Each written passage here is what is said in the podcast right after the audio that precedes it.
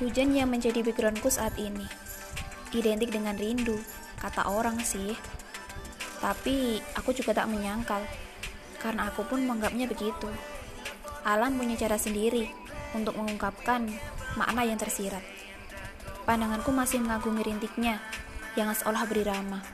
Semakin meresapi suasana, irama itu berubah menjadi melodi yang mewakili perasaan. Perasaan yang begitu sulit diungkapkan dan jarang orang lain bisa memahami. Tapi hujan, entah kenapa, feelnya bertepatan dengan perasaan. Selalu begitu. Dan mungkin hujan akan menjadi pendengar terbaikku.